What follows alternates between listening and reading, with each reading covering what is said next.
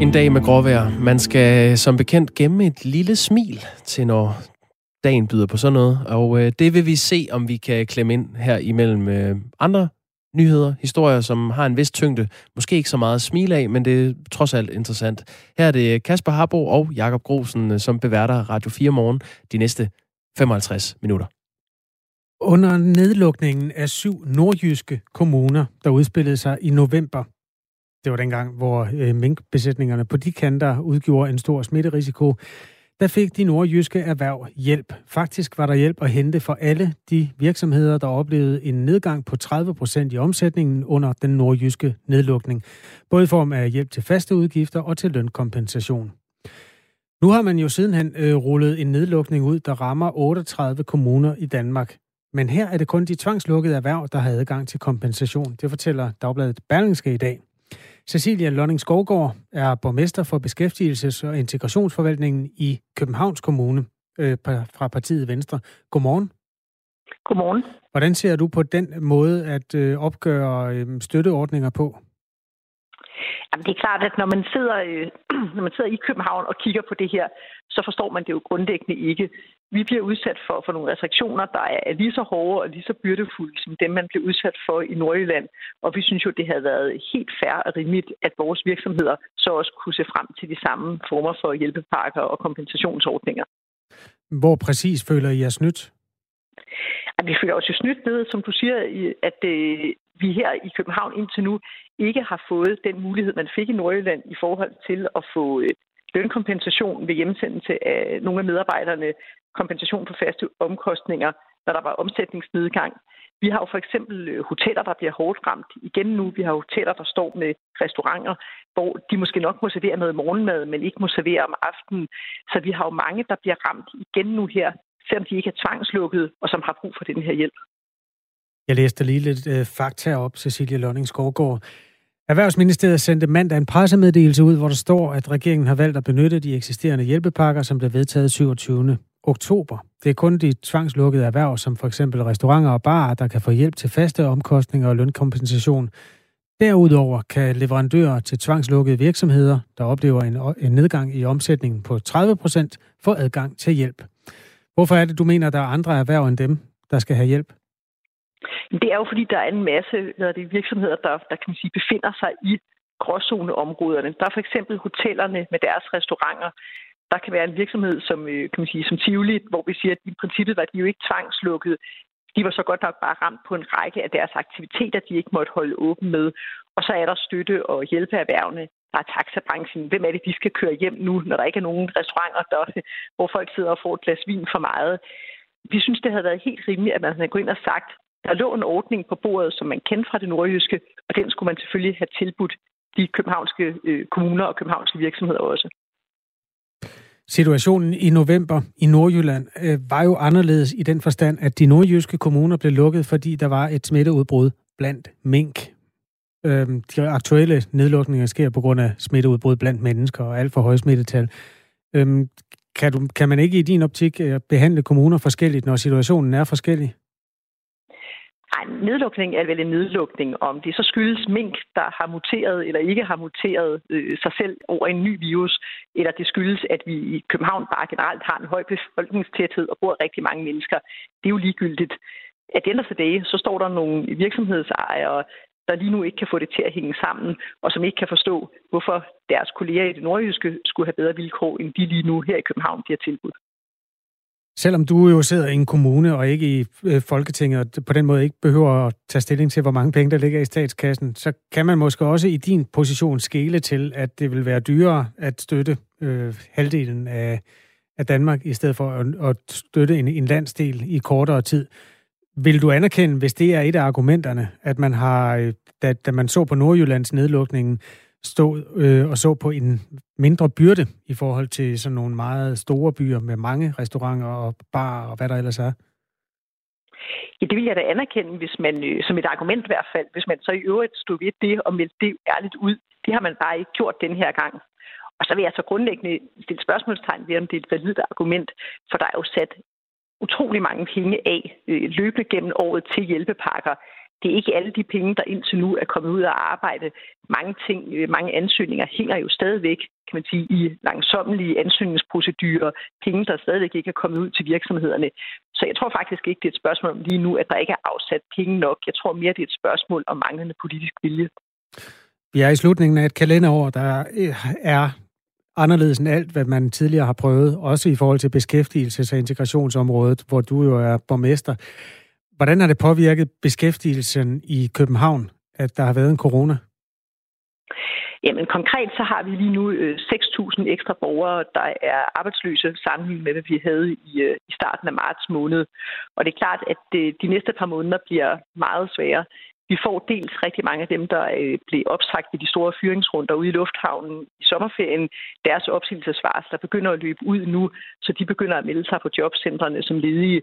Og så er det klart, at den seneste nedlukning her, den får jo mange af vores restauranter, caféer og hoteller til at sige, nu kan vi simpelthen ikke klare det længere, og så kommer de til at opsige deres medarbejdere. Cecilie Lotting Skovgaard, tak skal du have. Selv tak, og god dag. Tak i lige måde. Venstre, borgmester for Beskæftigelses- og Integrationsforvaltningen i Københavns Kommune. Klokken er 11 minutter over 8, og øh, vores lytter Jon har skrevet, en virus så farlig, at man skal testes for at vide, at man har den. En vaccine så sikker, at man skal troes til at få den. Med venlig hilsen, Jon. Ui, et lille digt. Ja, dem kommer der nogen af sådan i løbet af en morgen. Hvordan bliver man troet til at få vaccinen, Jon? Og derudover kan vi så oplyse, at der er jo også nogen, der får øh, virusen, som ikke behøver at blive testet for at finde ud af, at de har den. Øh, det er der jo sådan en stor gruppe, der, der oplever det, i Jon. Men tak for sms'en. Øh, jeg kan da i forbindelse med, nu når du nævner øh, testning og virus og vacciner, sige, at øh, der lige nu er op til 14 dages ventetid på coronatest, øh, men alligevel bliver kapaciteten så først skruet op om en uge. Øh, det skriver TV2. Mange steder i landet er der lige nu øh, flere dages ventetid på at få en coronatest, og det står værst til i Holbæk, hvor man først kan reservere en tid om øh, 14 dage. Og selvom det skulle lykkes en at få en tid, så er det ikke øh, garanti for, at man kan blive testet på det pågældende tidspunkt. Der er mange steder lige nu, hvor man som borger, hvis man har en reservation, alligevel må vente i flere timer på at kunne komme til. Og det har skabt et pres på at få opjusteret landets testkapacitet.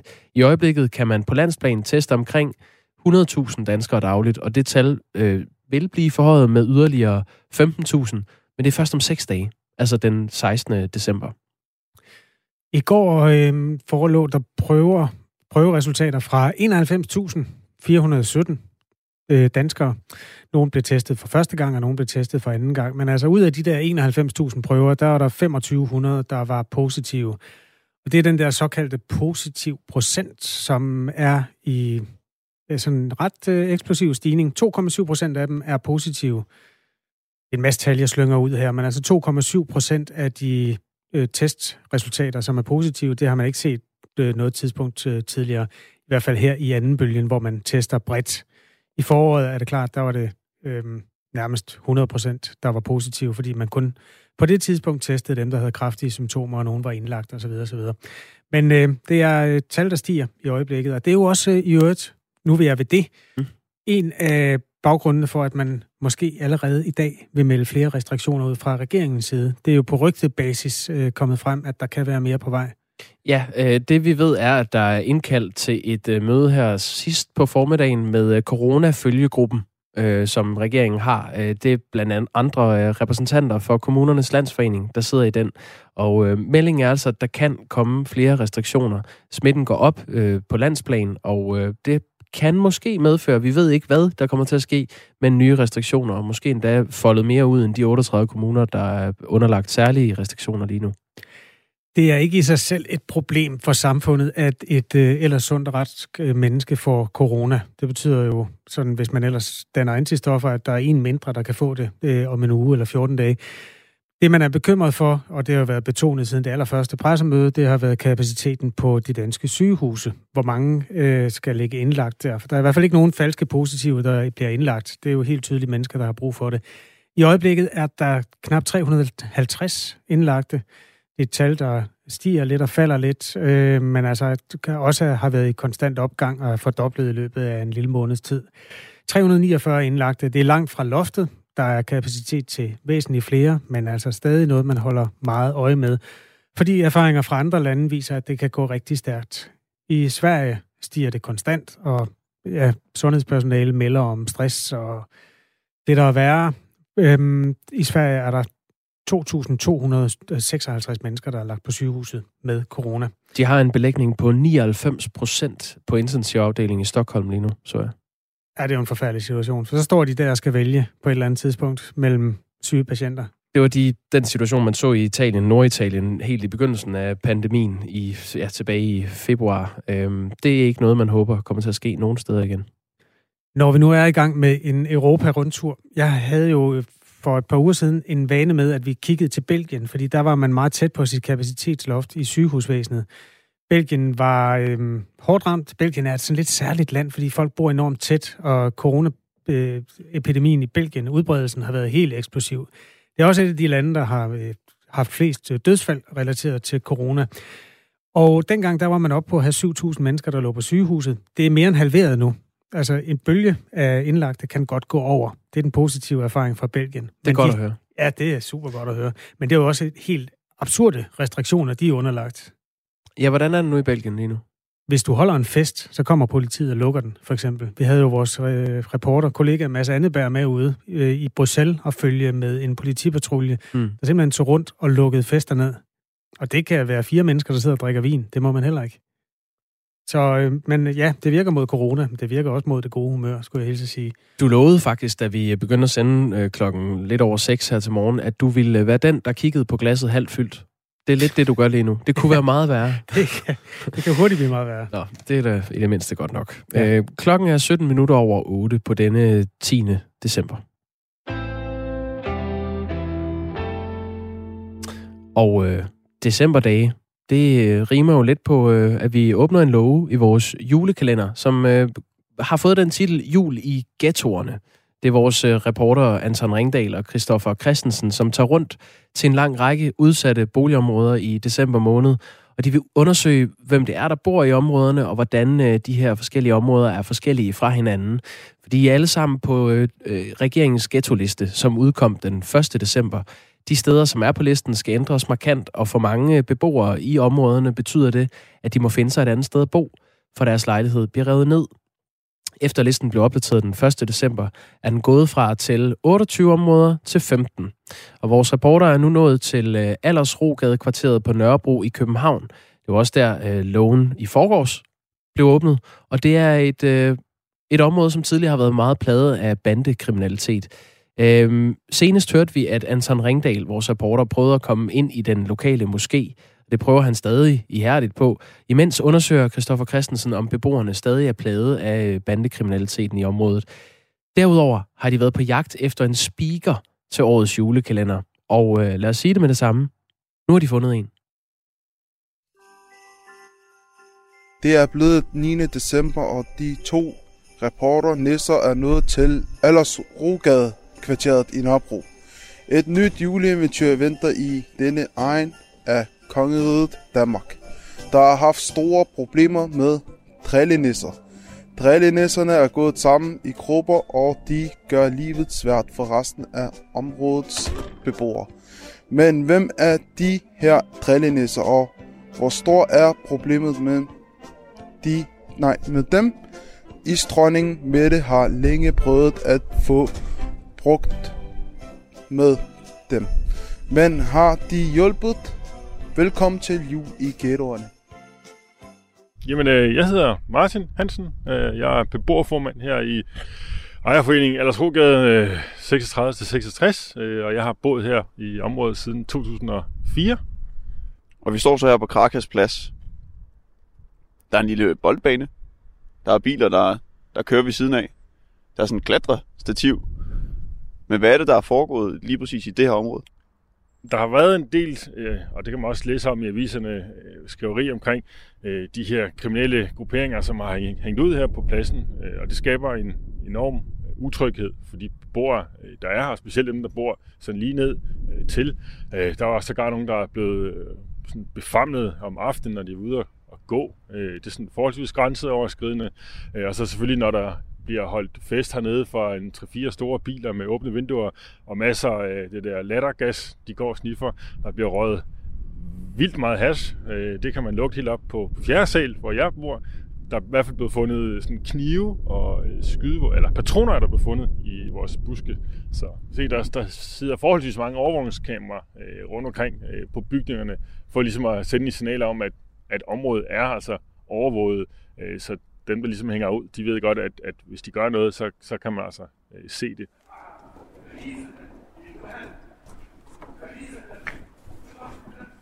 Har du noget med måske at gøre? Ja, ja, ja. Jeg går derind og beder. Nej, øh, så tænker jeg, jeg arbejder der, det gør jeg ikke. Det er blevet bare nysgerrig, der så det der. Ja. Så jeg tænker, hvad er det? Jamen, jeg, jeg mødte lige en, øh, en gut herover, som skulle ind og bede. Så spurgte jeg, om jeg måtte øh, gå med ham. Men nu tror jeg, han er gået ind. Ja, Jeg fik at vide af, af manden i den gule refleksvest der, at jeg lige skulle... Øh, han skulle spørge sin chef, om jeg måtte komme ind. Nå, ja, det er fordi, at... Øh, hvordan skal jeg sige? Det er fordi, så man ikke forstyrrer og sådan noget. Ja. Andre, det er derfor. Hvad siger du? Du kan godt komme ind, men du må ikke optage. Jeg må ikke optage? Nej. Okay. Når de kommer ind, de skal jo koncentrere sig og lytte til imamen. Det er derfor. Og så når du kommer ind og interviewer folk, så kan de godt blive for, forvirret med at høre for dem og svare igen. Den er i gang nu, bøtten, eller hvad? Nej, nej, nu er, det, nu er det bare imam, der snakker, og der kan måske gå 30 minutter deromkring. Så Vil ikke- begynder de at bede. Vil du ikke prøve at beskrive, hvad man ligesom ser, når man øh, kigger ind? Ja, øh, det er ligesom sådan, at du ser nu. De er som øh, sidder ned, øh, helt afslappet og koncentrerer sig om, hvad imamen siger. Og imamen begynder at fortælle øh, historier om profeten, øh, Mohammed, må fred og velsignelse være med ham. Og, og så begynder han at give ligesom sådan en læring til unge mennesker, hvordan de skal opføre sig. At vi skal være humane med andre mennesker, og øh, vi skal behandle dem med respekt. Ligesom man altid plejer at sige, behandle din nabo med respekt, og du får respekten tilbage. Ja. Der er nogle etniske danskere, der kan jeg se. Ja, det er mine, øh, det er mine venner. De er konverteret. Er de konverteret? Der er mange, der er rigtig mange etniske danskere, der er konverteret. Så der kommer mange etniske danskere herinde også? Ja, ja. Måske en er velkommen til alle. Altså, der er ikke, altså, man behøver ikke at være muslim for at komme ind. Vi står lige ved siden af en stor betonblok. Hvad er det, der har været skrevet med graffiti på den blok? Ja, men det var jo LTF til, til døden. Øh, Så det var der i, i, i 16-17 stykker, hvor øh, at det var LTF-grupperinger, der ligesom havde prøvet at øh, overtage det her område. Øh, Altså Loyal to Familia. Ja, lige præcis, ja. Vi er jo også for at finde ud af, om der stadigvæk øh, er gang i banderne i Aldersro gadekvarteret. Er der stadigvæk det, tror du? Altså, Det er svært at sige. Vi har i hvert fald oplevet en øh, periode med, med stillhed her siden, øh, ja, siden starten af, af sommeren, så det har været dejligt. Øh, nu kan man så læse om i aviserne, at det måske har flyttet sig lidt, lidt længere til, til nordvest, men som en af politimændene også sagde, jamen så er det ikke vores problem længere. Området er stille og roligt og dejligt. Fredeligt. Men øh, der kan godt ske nogle problemer. Sådan er det med stederne. Og du ved nu, øh, der er rigtig mange, der begynder at sælge. Øh, det ødelægger lidt det hele freden. Altså i går jeg var ved stationen, og der kom nogen og tilbød mig, om jeg vil have... Du ved, han begyndte at lave sådan der til mig, og jeg tænkte, hvad, hvad vil han? Hvad vil han have? Du ved, jeg har jo aldrig prøvet at tage det her før, så jeg aner det ikke. Så jeg spurgte, hvad, hvad vil du? Så viste han mig en lille pose med hvid og sagde, vil du købe? Så, sagde nej, nej, fjern det der fra mig, jeg gider ikke engang se det og sådan noget. Det gider jeg ikke have. Det lyder på dig som om, at øh, der faktisk er styr på det herude.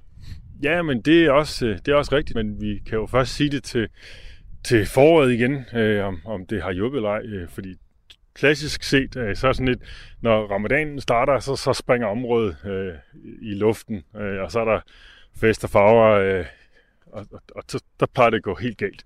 Hvordan kan du mærke, at det har noget med ramadan at gøre, at de er her? Det, det er jo 30 dage, hvor det hvor de ikke, øh, hvad er det, de må ikke spise før solen går ned, så, så lige snart de har, har været hjemme og spise, så hænger de så ud og, og, og, og larmer og, og gør ved i, til, til tidlig morgen til stor scene for alle os andre, der skal op på arbejde. Jeg synes rent faktisk, at det er blevet lidt bedre, men det er stadig lidt det samme på samme tid. Fordi folk prøver stadig at ødelægge det, jeg kalder for freden. De har jo deres dyre biler, mange af dem, så, øh, som, som de så kommer her og kører race på gaden, og øh, så kan der sådan 20-30 mennesker og 4-5 biler, øh, og så holder de hernede og, og holder fest øh, ud til de små timer. Det er forholdsvis generende, vil jeg sige. Så ja, jeg er sådan lidt op og ned i det. At, øh, jeg både synes, at det er blevet bedre, og både synes, at det ikke har rigtig ændret sig. Det er på samme tid. Hvor gammel er du? Jeg er 26 år. Og hvad hedder du? Jeg hedder Salem Ahmed. Jamen, øh, så vil jeg lade dig gå ind og bede. Ja, mange tak. Tusind tak for snakken. Det var så lidt. I næste afsnit af julekalenderen Jul i Ghettoen øh, tager vores reporter Anton Ringdal og Christoffer Christensen til det, der hedder Ringparken i Slagelse. Og her vil de prøve at få nogle af områdets unge i tale. Det er altså en lov, vi åbner i morgen i vores øh, julekalender her i Radio 4 morgen. Lige nu er klokken... Øh, ah, den er faktisk blevet 26 minutter over 8 i mellemtiden.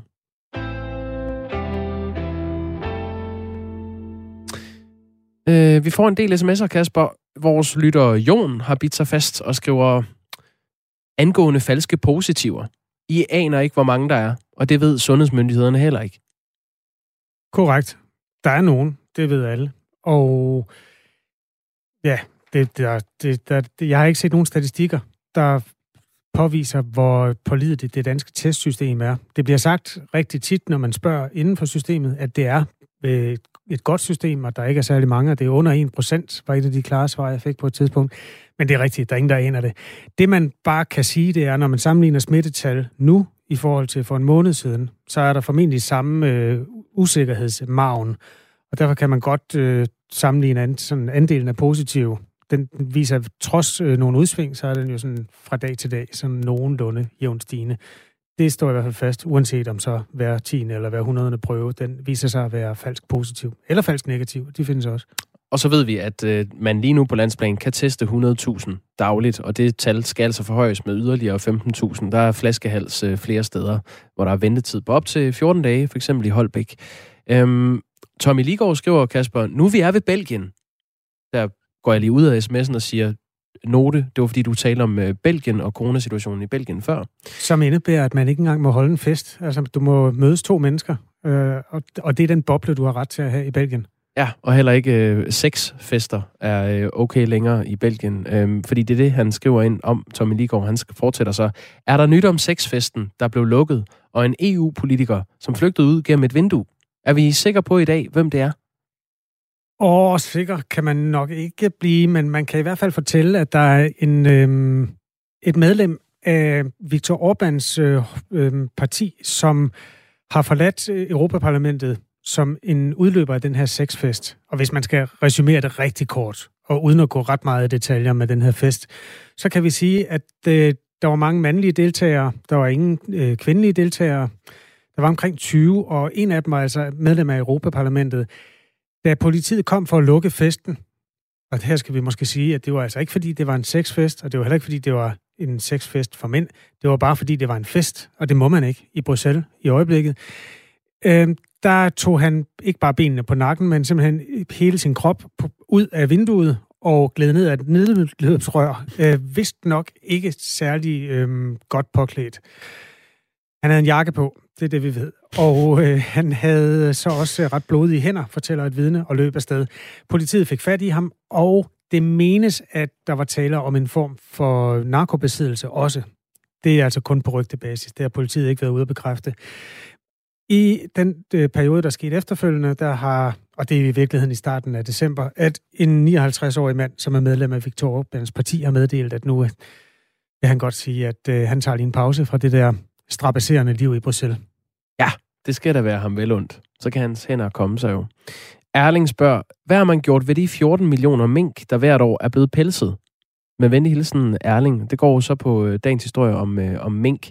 Øh, Erling, jeg er inde på øh, Danske Minkavlers hjemmeside. Der står, mink aflives hjemme på gården og lægges derefter til afkøling mange timer, inden pelsen fjernes. Når pelsen er fjernet, er minkkroppen tilbage, og den bliver sendt til bioforarbejdning. Hos DACA forarbejdes restprodukter fra alle former for animalsk produktion i Danmark. Forarbejdningen sker med henblik på at optimere ressourceforbrug, hvor restprodukter selvfølgelig genanvendes. Og overskriften er, 100% af minken genbruges. Erlings øh, pointe er, hvorfor er det så nødvendigt at grave dem ned i år? Og det er det jo højst sandsynligt, fordi at det er alle 17 millioner, der er døde på én gang. Der har Daka ikke kunne være med. Nemlig klokken halv ni.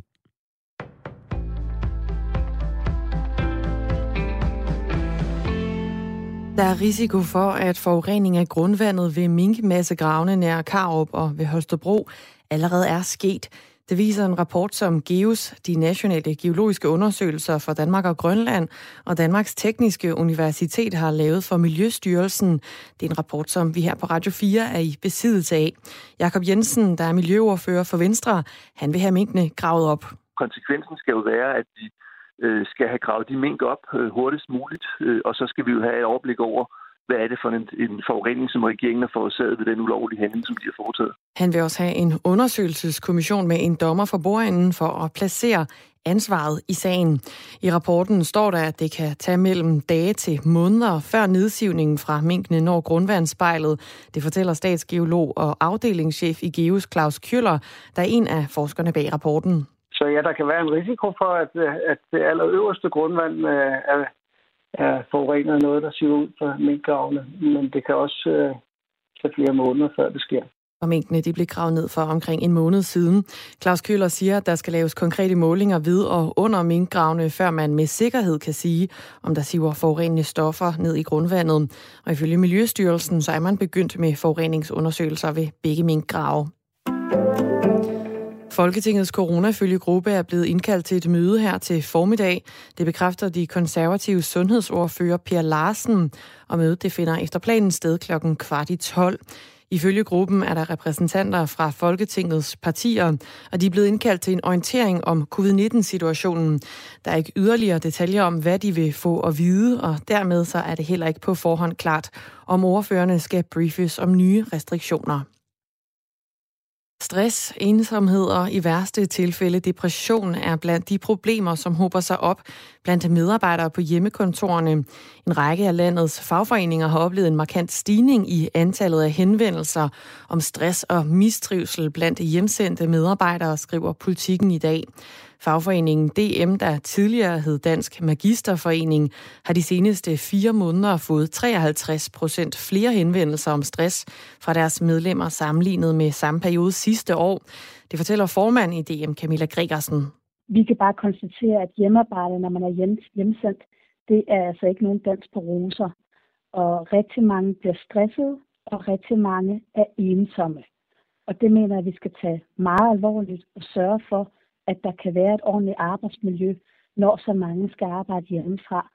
Camilla Gregersen siger, at det for en del er blevet sværere at afgrænse arbejdstiden, fordi hjem og arbejde er samme sted. Tendensen om mistrivsel blandt hjemsendte medarbejdere genkender de også hos Ingeniørforeningen IDA, hos Jøf og HK Privat, skriver politikken. En ubemandet prototype af det private rumfartsselskab SpaceX's rumfartøj Starship eksploderede i går, mens det forsøgte at lande efter en testflyvning, skriver nyhedsbyrået Reuters.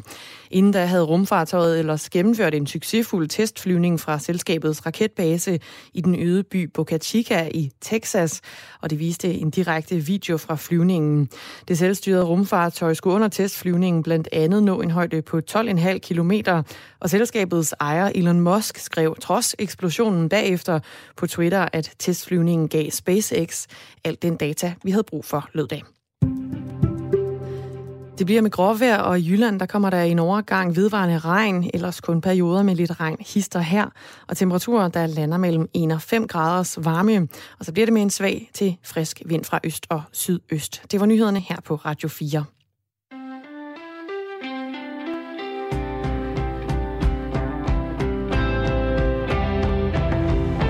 Klokken er 8.34, og solen brager ned et eller andet sted på jorden lige nu, men det er bare ikke her, skal jeg hilse at sige. Der er lige så mørkt, som, i, øh, som om det var nat. Men det er altså øh, en eller anden grad af kort dag, der er ved at tage sin spæde begyndelse. Og du har tændt for Radio 4 morgen, hvor vi samler op på dagens store historie. Og vi, det er Jakob Grosen, som sidder ved siden af mig, og så mig, der hedder Kasper Harbo. Ja, godmorgen, hvis du lige har stået på. Også godmorgen, hvis du har lyttet med længere tid. Øh, historien går på, at der er risiko for, at grundvandet ved øh, de minkmassegrave, der findes øh, for eksempel i øh, Kølvåg, nær øh, Krav, øh, Karup i Midtjylland, og Borgtrup ved Holstebro i Vestjylland allerede er blevet forurenet med en række skadelige stoffer. Det viser en rapport, som øh, GEOS, altså de nationale geologiske undersøgelser for Danmark og Grønland, og Danmarks Tekniske Universitet har lavet for Miljøstyrelsen, og som øh, vi har set her på Radio 4. Tidligere på morgenen snakkede vi med Claus Køller. Han er statsgeolog ved netop GEOS og har været med til at øh, skrive den rapport. Han forklarede øh, konklusionen og de fund, der er i rapporten, sådan her. Vi har lavet et notat sammen med DTU Miljø til øh, Miljøstyrelsen, som, øh, som peger på, at øh, der kan være risiko for, at der er taget noget ud af de her minkgrave, som har nået det allerøverste grundvand. En af dem, der bor i nærheden af minkgraven, og som derfor også benytter sig af det grundvand, der pumpes op og kommer ud af vandhanerne, det er Flemming Hedegaard, og han er meget bekymret for situationen. Jamen, jeg er meget bekymret, fordi øh, vi ved jo alle sammen godt, at vi har sandjord herude, og vi lavede et forsøg for ministeren i mandags, hvor vi hældte øh, en spand vand ned i sådan en udgravning der, og det tager ikke ret lang tid, så er sådan en spand vand væk. Og det kan jo ikke være anderledes. Jeg har set de mængder, der er blevet tippet af i, i Nørfælling, og en stor part af dem er altså flydende, da de bliver tippet af. Så, så det kan kun gå hurtigt med at synke ned i det jord herude.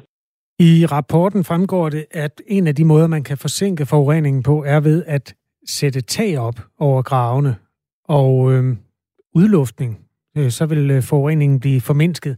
Men øh, det er Flemming Hedegaard ikke tilfreds med. Vi stopper ikke der. Altså, vi stopper ikke, før vi har øh, nogen til at grave de her mængder op. Altså, det, det giver ikke nogen mening i øh, Danmark i 2020 at grave så stor mængde kvælstof ned i vores øh, undergrund. Øh, det, det må man simpelthen kunne gøre bedre.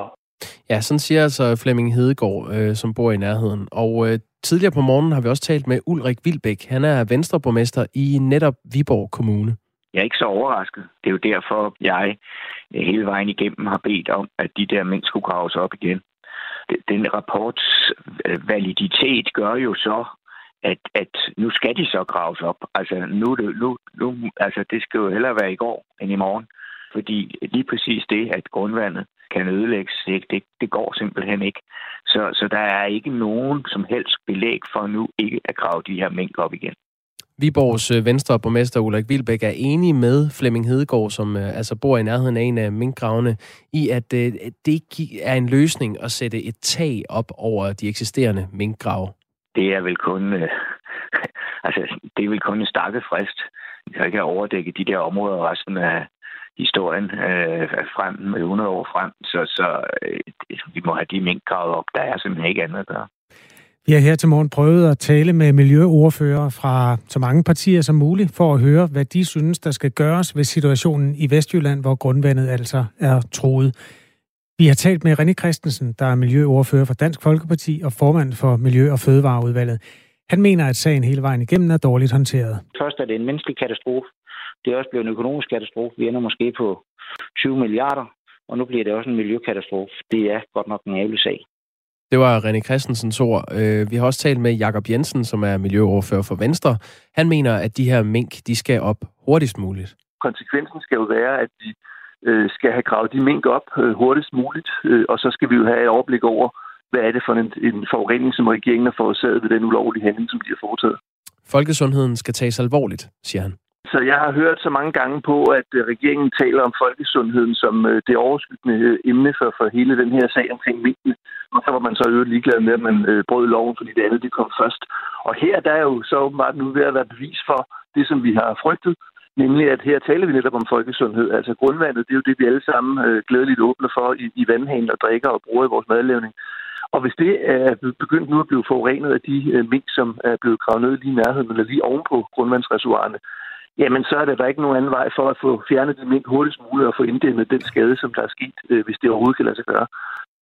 Det siger altså Jakob Jensen, som er miljøoverfører for Venstre, og han vil gerne have undersøgt den her sag helt til bunds. Den her sag synes jeg faktisk er så alvorlig, at vi bliver nødt til at, øh, at have det her undersøgt til bund. Så det er jo derfor, vi har sagt fra dag et nærmest, at en undersøgelseskommission, som med en dommer for bordenden kan lave de øh, afhøringer og de, øh, kan man sige, indsatser, der skal til for at finde ud af, hvem har egentlig haft ansvar for det her, hvem har truffet beslutningen. Ja, det sagde Jakob Jensen altså. Han er miljøordfører for Venstre. Venstre. Øh, Ejkel Hulgaard er miljøordfører hos Konservativ øh, og reagerede umiddelbart sådan her på sagen. Det er uforståeligt, at regeringen ikke valgte en anden løsning end den miljøskadelige nedgravning. Både afbrænding af minkene og opbevaring i gyldetanke havde været bedre løsninger. Ministeriet må være grebet af panik, siger han. Vi har også øh, prøvet regeringens støttepartier. Det gik øh, ikke i samme grad over stok og sten med at få dem i tale. Øh, der var en del afslag. Ja, Karl Valentin havde ikke mulighed for at være med. Han kommer fra SF, og så var der Søren Ikke, som er fra Enhedslisten. Han havde heller ingen kommentarer. Han havde Nej, nej, jeg skal spare joken. Vi har ikke kunne få fat i Radikale Venstres senior Stampe, heller, eller Socialdemokratiets miljøoverfører Mette Gjerskov. Så der er så tavst. Jeg ved ikke engang, om vi har fået prøvet hos øh, Alternativet. Der må ordføreren jo være øh, Torsten Geil. Ordfører for alt. Ja. Det er jeg ikke klar over. Øh, det kan være, at vi kan få en melding ud fra vores reporter, om de har forsøgt ham her til morgen, Torsten Geil fra Alternativet.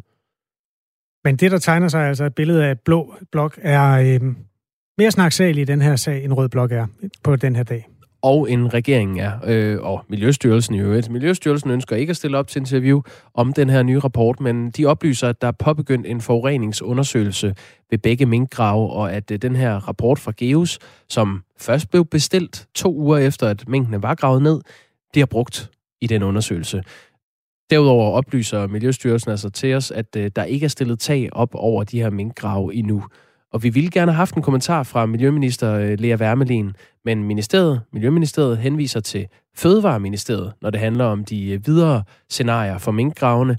Fødevareministeriet henviser så omvendt tilbage til Miljøstyrelsen og har derudover ingen kommentar, heller ikke fra den nyudnævnte fødevareminister Rasmus Prehn. Så der er tavst, som i minkgraven. Klokken er 19 minutter i 9.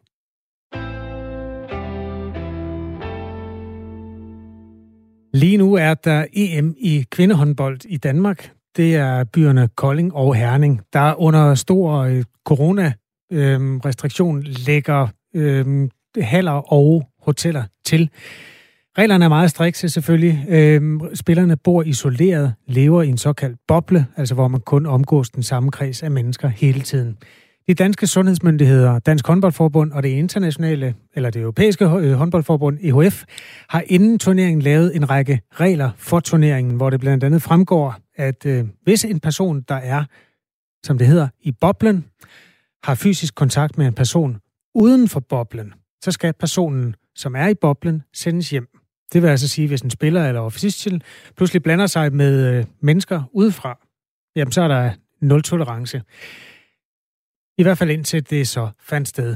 Da en russisk træner i søndags valgte at give en high five til en person, som var uden for boblen, altså en tilskuer, der valgte EHF, det europæiske håndboldforbund, i stedet at give trænere en advarsel, i stedet for at sende ham hjem. Og det vækker vrede hos Dansk håndboldforbunds øh, formand, Per Bertelsen. Jamen, øh, jeg må sige, at da jeg i første omgang fik øh, afgørelserne der blev, der blev, der blev var nok øh, vred, og så i næste omgang, der var jeg rigtig ked af det, fordi at der var nogen, der ikke kunne finde ud af at holde sig inde på rammerne. Nu skal vi simpelthen tale med det europæiske håndboldforbund, og det er i skikkelse af Martin Hausleitner, der er generalsekretær der. Og det foregår på engelsk. Jakob, jeg tænker, at øh, rollefordelingen må være, at jeg øh, taler med Martin Hausleitner, og så oversætter du. Det kan vi godt sige. Are you with us, uh, Martin Hausleitner? Good morning. Yeah, good morning, I'm here, yeah. Nice to meet you. Um, My pleasure. We are just um, introduced the matter of this uh, Russian coach giving a high five to a person outside of uh, this so-called bubble. Um, the chairman of the Danish Handball Federation says uh, that when he heard that the Russian coach was only issued a warning rather than a ticket to Russia, he was angry and sad. Do you understand that he feels that way? Um, I I think um, that uh, you have to know all the circumstances in in a, in a very detailed way um, to understand uh, also the decision. And uh, it was, of course, it was a violation of uh, um, the guidelines and our protocol, uh, but also the guys, uh, the this trainer um, met have been tested uh, in, in, another soon, and uh, so the basic uh, danger was uh, reduced to a minimum. But of course, it was a disastrous picture um, to the public, and uh, there was uh, not only a warning but a lot of guidance matter with the Russian um, team and uh, the, the Russian coach as well as the uh, guys uh, he met at the zone. And of course, we were not happy, but it is also our obligation to guide uh, more than 800 people through this concept, which is quite tricky and complicated as uh, no one had experience uh, before with this concept. All right. My, my colleague will just uh, translate a part of your answer, Martin Hasleitner. Ja, øh, han siger, at øh, du skal kende alle omstændigheder for at forstå beslutningen, og det var selvfølgelig en overtrædelse af vores protokol og guidelines, men den basale fare var på et minimum. Øh, så siger han så, Martin Hausleitner, at vi var øh, selvfølgelig ikke tilfredse med det, øh, der skete, men det er vores ansvar at guide mere end 800 mennesker, og det kan være ret øh, tricky. Martin Hausleitner, I understand it can be tricky, but in a way it's quite simple. What he did there was not uh, very complicated. It was simply a, a, a, big mistake. Does he understand that? Um, I think, meanwhile, he understands and it um, uh, was made him clear. Um, so, and also our next step was announced as a zero tolerance uh, policy. So there is no uh, additional mistake accepted. What I was told Øhm, nej, undskyld, vil du lige oversætte jer? Ja, jeg, han siger bare, jeg, jeg tror, at han forstår det nu, øh, den her russiske, øh, som egentlig er en spansk mand, men træneren for det russiske hold, øh, det han har gjort, han forstår øh, alvoren af det nu, og vores øh, næste skridt er at få øh, nedfældet den her øh, en ingen tolerance politik, så det ikke sker igen. Og hvis vi skal rise op, det var altså den her spanske mand, der hedder Ambros Martin, som er landstræner for Rusland, gav en high five under en kamp til generalsekretæren for det russiske håndboldforbund, Denis Bogomolov. Øhm, og de var altså på hver deres side af zonen. Øh, og det er grunden til, at vi altså taler med Martin Hausleitner, der er generalsekretær i EHF. In EHF's Protocol for Hygiene that was issued before this tournament, it is stated that, I quote, it is important to stress that no red zone member shall be in contact with anyone else than any given point during the competitions. In addition to that, further down in the protocol, it states that if one fails to comply with the rules of the hygiene protocol, the violator will be removed from the championship upon a restrictive decision with immediate effect. Vil du oversætte det, Jacob?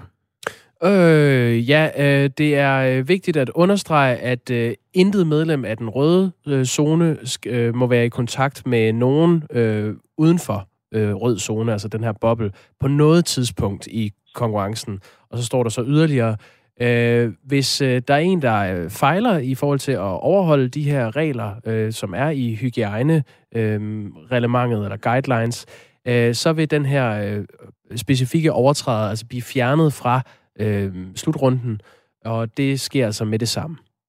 With immediate effect, it says Martin Hausleitner. How is it that the Russian coach is, is still part of the tournament when your own rules clearly states that he must be sent home? Um, because the of, every rule has um, um, somehow um, a range. If the Russian coach would have left, for example, the hotel for, for several hours or even for going shopping and had uh, contact to not tested people. It would have been an, a different thing. Sorry, sorry about that. Come again. Okay, so uh, it is about the range of the mistake.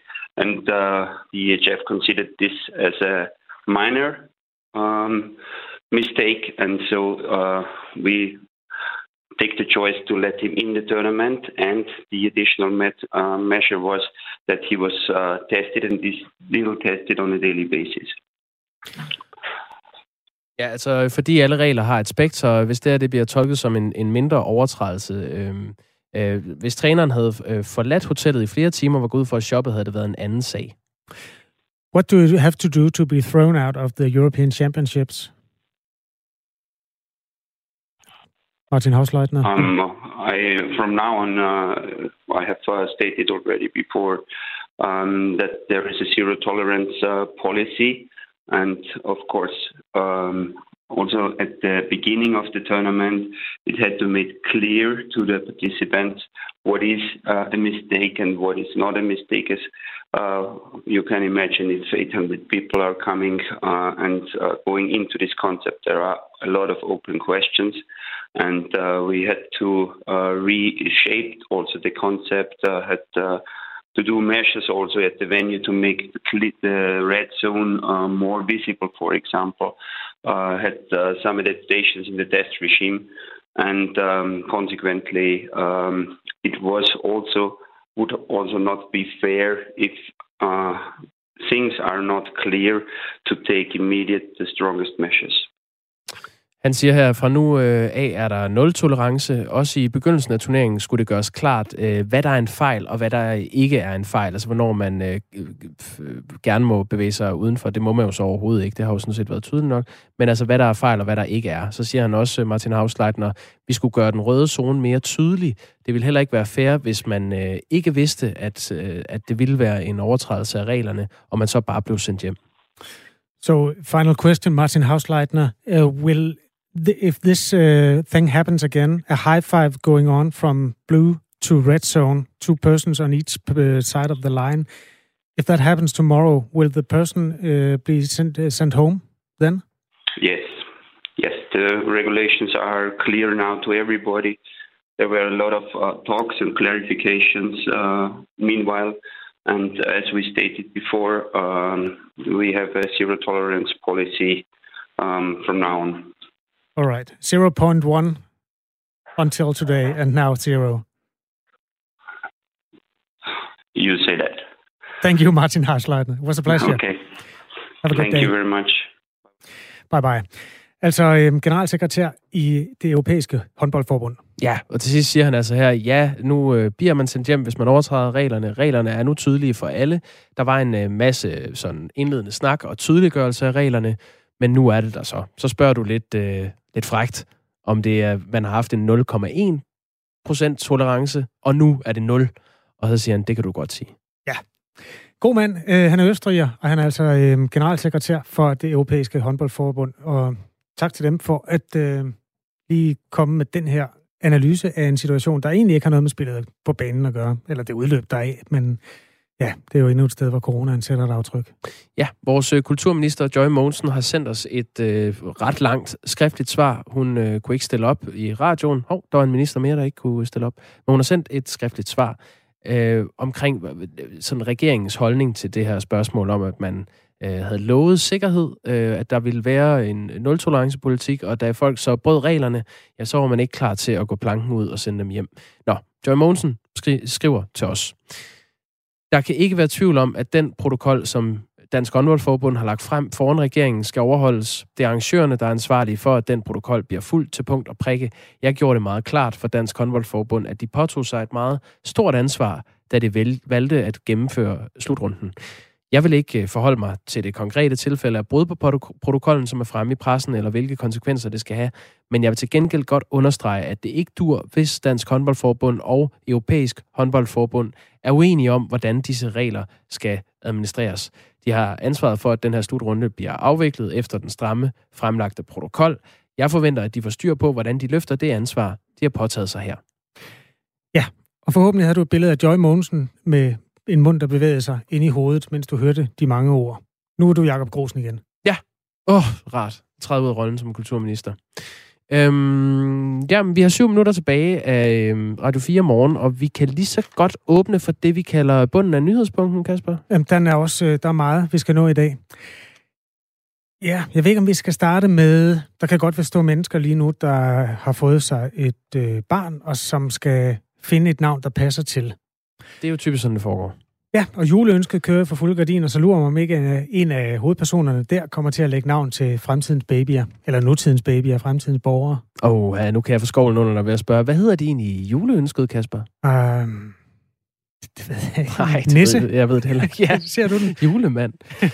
Nå. Okay, grunden til, at jeg tager det her op, det er, at TV2 Østjylland, som er TV2's regionalstation i det østjyske, har gravet en historie op om en kvinde. Hun sidder faktisk i byrådet i Aarhus, og har sammen med sin partner en datter, som ikke må hedde det, som hun ellers er blevet kaldt hele sit liv. Øhm, moren hedder Liv Grå Jensen, stille og roligt. Datteren hedder Falke, men det må hun ikke. Nej. Falke springer også ud af en julekalender. Øh, det er jo den, der hed Tinka og Kongespillet. Var det den, der inspirerede dem? Ja, ja. Ja. Sidste år.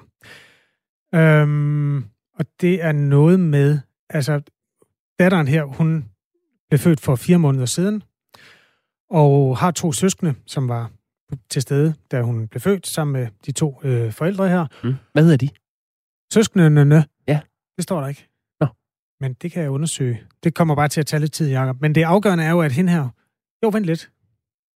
Nej, det, det står der ikke. Nå, Sørens. Men hende her, hun øh, fik altså navnet Falke, fordi det er en af de bærende karakterer i øh, den her Tinker Kongespiller, der kørte sidste år. Og øh, kirkekontoret og familierethuset er blevet spurgt og har med rungende øh, ekko af hinanden sagt, øh, nej tak, det må man ikke hedde. Piger i Danmark kan ikke hedde Falke.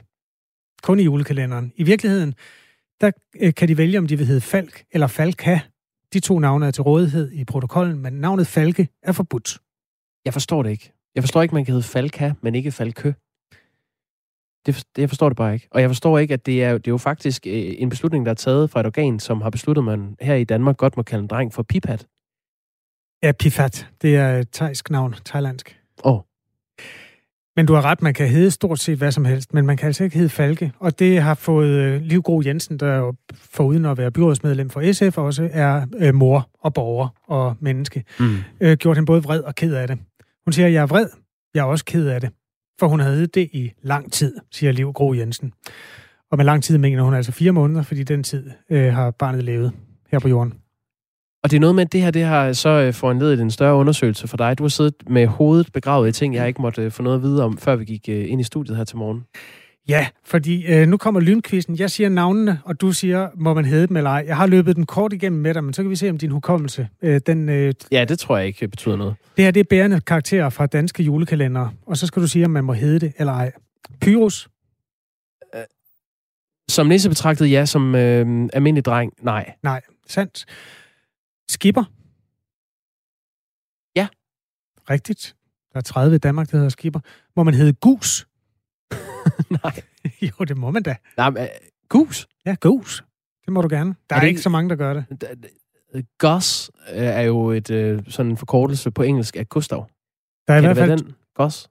Jeg siger bare, at der er to danskere, der hedder Gus. Og efter, hvis du spørger mig, så tror jeg, de er opkaldt efter ham i Julerup Færgeby. Ja. okay. Mia Maja? Jamen, det er jo snyd, fordi den kan jeg huske, der var en, der meldte ind på sms'en, at det var der en, der hed i Masterchef-programmet øh, på TV3+. Det er korrekt. Du er god til det, Jacob. Du kan roligt få flere børn.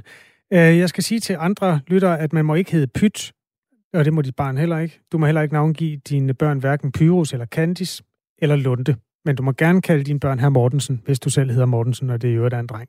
Eller det er sikkert oppe i luften. Du må sikkert kalde dem her Mortensen, uanset hvilket køn de er. Det synes jeg. Må man, må man kalde øh, sit barn for herre? Det, det synes jeg. Det er jo en form for øh, forkortelse af hermand. Det er op til den enkelte. Ved du hvad? Men noget, der står helt fast, det er, at man godt må kalde sit øh, barn for Henrik. Nu leder den lige over en sidste øh, historie, vi kan nå her i nyhederne. Ja, øhm, forhåbentlig da. Og også hvis man så hedder Vindfeldt til efternavn, så kan man jo få lov til at hedde Henrik Vindfeldt. Og det, det hedder partilederen i øh, Veganerpartiet i øvrigt, som i går blev idømt fængsel for ulovlig indtrængen. Hvorfor ja. ligger den ikke øverst i nyhedspunkten? Hvorfor ligger den nederst? Det kunne den også godt have gjort. Vi har bare ikke haft tid. Men øh, nu har vi tid. Altså, øh, for at sætte fokus på dyrevelfærd, tog øh, Henrik Windfeldt i maj sidste år til en øh, svinefarm på Nordfalster, hvor han optog øh, filmede døde grise på gårdspladsen, og svin, som angiveligt skulle være før, smurt ind i afføring, øh, lukket inde i sådan nogle trange øh, indelukker han vil gerne sætte fokus på manglende dyrevelfærd, men er i stedet nu øh, kommet øh, i fokus for at have fået en, en betinget fængselsdom på 30 dage for ulovlig indtrængen. Øh, dertil er hans øh, kæreste også blevet straffet. Hun har fået samme straf. Hun er også en del af partiets øh, administration. Øh, og så er en bekendt, en 27-årig bekendt, som er, arbejder som læge i Nordsjælland, blevet straffet med to ugers betinget fængsel. Og noget af det, der har gjort, at de er blevet idømt fængsel i stedet for en bøde, som man normalt ville få, det er, at de har udsat dyrene for en smitterisiko ved at, at tage dig ind. Og det kan altså... Øhm, ja, det, det er skærpende omstændigheder selvfølgelig. Ja, det er rigtigt. Man skal være pakket ind, øh, når man skal i svinestallet. Ja, øh, svinebunden hedder Jørgen Kjøb, og han har faktisk øh, bedt om at få dækket sit økonomiske tab, eller en risiko for et tab ved den her øh, forbrydelse. Han har i et civilt søgsmål gjort krav på 467.000 kroner, og den sag bliver behandlet i Københavns Byret til marts. Tak for opdateringen på den. Der er 10 sekunder tilbage. Jeg kan nå at fortælle, at der er en lytter, der skriver ind med endetal 89, at øh, hans eller hendes genbo har en dreng, der hedder Falke.